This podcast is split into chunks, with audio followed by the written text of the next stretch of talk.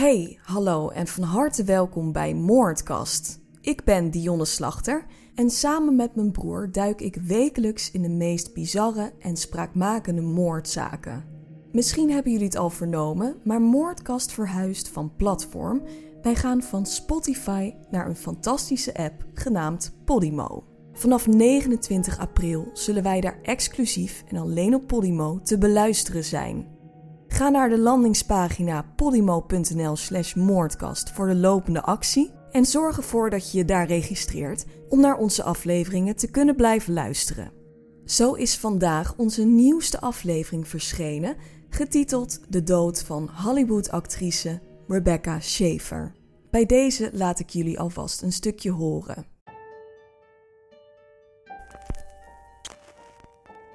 Rebecca Lucille Schaefer wordt geboren op 6 november 1967 in een plaatsje genaamd Eugene.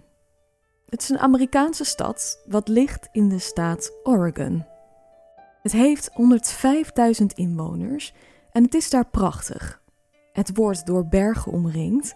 Het is een plek met veel bomen en rivieren. Dit is de plek waar Rebecca Schaefer opgroeit voor haar de perfecte plek om haar jeugd door te brengen.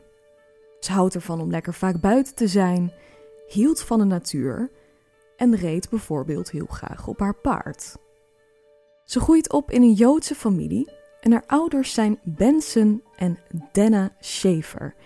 En beide zitten in het onderwijs, geven les op een universiteit. En Rebecca is enig kind, dus ze krijgen verder geen kinderen meer na haar. En de ouders zijn gek op het meisje. Als Rebecca 14 jaar oud is, gaat ze op een middag naar de kapper. Het is dan begin jaren 80 en ze wordt overladen met complimentjes van de kapster die haar haar aan het doen is.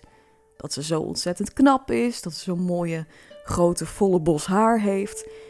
En die kapper vraagt dan aan Rebecca van joh, heb je ooit gedacht aan modellenwerk? Die kapster geeft ook aan van joh, ik heb wat connecties, als je interesse hebt, laat het me weten. Maar Rebecca die slaat hier meteen op aan. Dat leek haar hartstikke leuk. Dus die kapster die zet dat voor haar in gang. Er wordt een afspraak geregeld met een vrouw genaamd Nanette Troutman. Zij had een modellenbureau.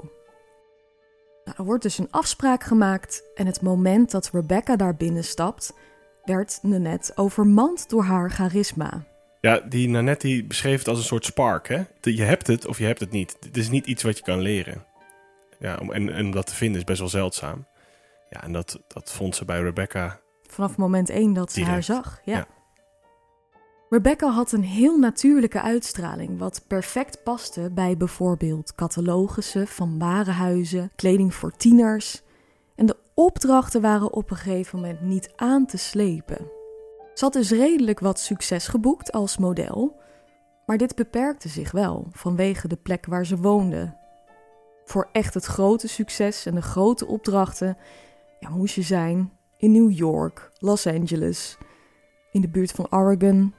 Ja, dan kom je niet zo super ver.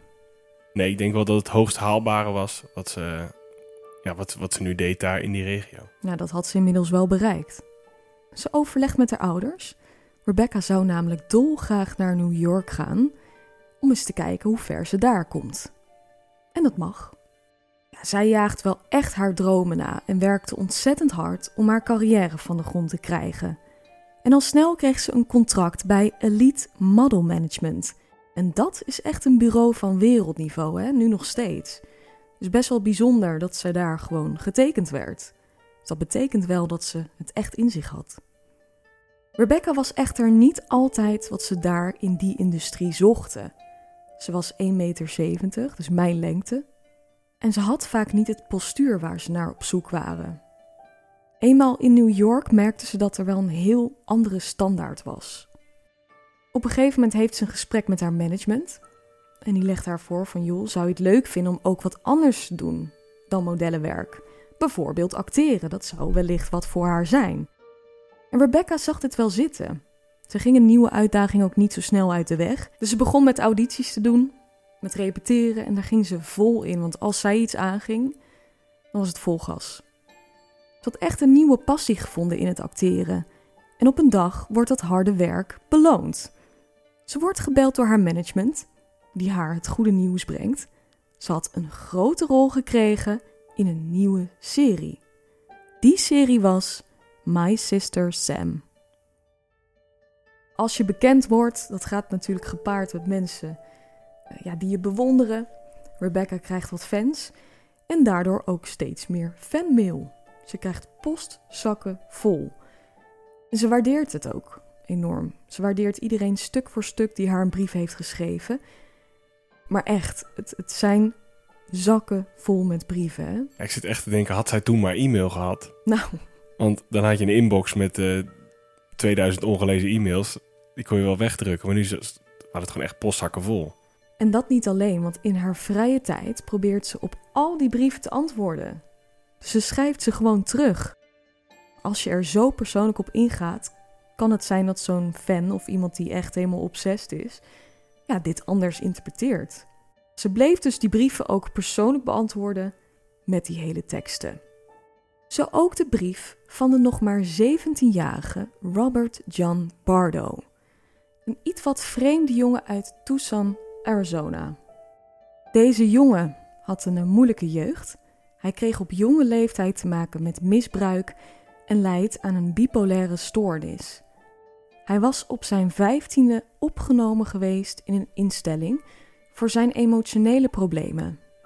Robert Bardo was een loner, had weinig vrienden en een jongen met onwijs veel problemen. Ook bedreigt hij mensen, bijvoorbeeld zijn buren, mensen op school. Het is een uh, gebroken jongeman. Ja, dat is wel een beetje ja, gewoon triest, hè? Ook gewoon niemand om zich heen. Hij was heel erg uh, op zichzelf aangewezen. Hij werd echt gezien als een beetje een rare snuiter. Robert Bardo zet in december 1986 de televisie aan en ziet dan een reclamespotje voorbij komen van een nieuwe serie My Sister Sam. Hij ziet daar een karakter voorbij komen genaamd Paddy, gespeeld door Rebecca Schaefer, en zij doet vanaf het eerste moment iets met Robert Bardo. Ze lijkt zo open, zo toegankelijk, zo lief, zo vrolijk en dat spreekt hem aan. Vanaf dat punt begint hij My Sister Sam te volgen. En overal waarin Rebecca te zien was op tv, dat nam hij op op videoband. Rebecca schrijft hem persoonlijk en vertelt hem dat zijn brief in het bijzonder een van de liefste is die ze ooit heeft gekregen. Robert Bardo is niet alleen fan van Rebecca, maar ontwikkelt een obsessie voor haar. Hij gelooft dat ze voortbestemd zijn voor elkaar en deze brief bevestigt voor hem alles. Zij moet ook wel dezelfde gevoelens voor hem hebben. En telkens als hij Rebecca op tv ziet, voelde hij zich niet zo eenzaam. Ben je nou benieuwd naar de rest en de daaropvolgende afleveringen? Ga naar polymo.nl/slash moordkast. Wij hopen dat jullie mee verhuizen en daar verder naar ons luisteren.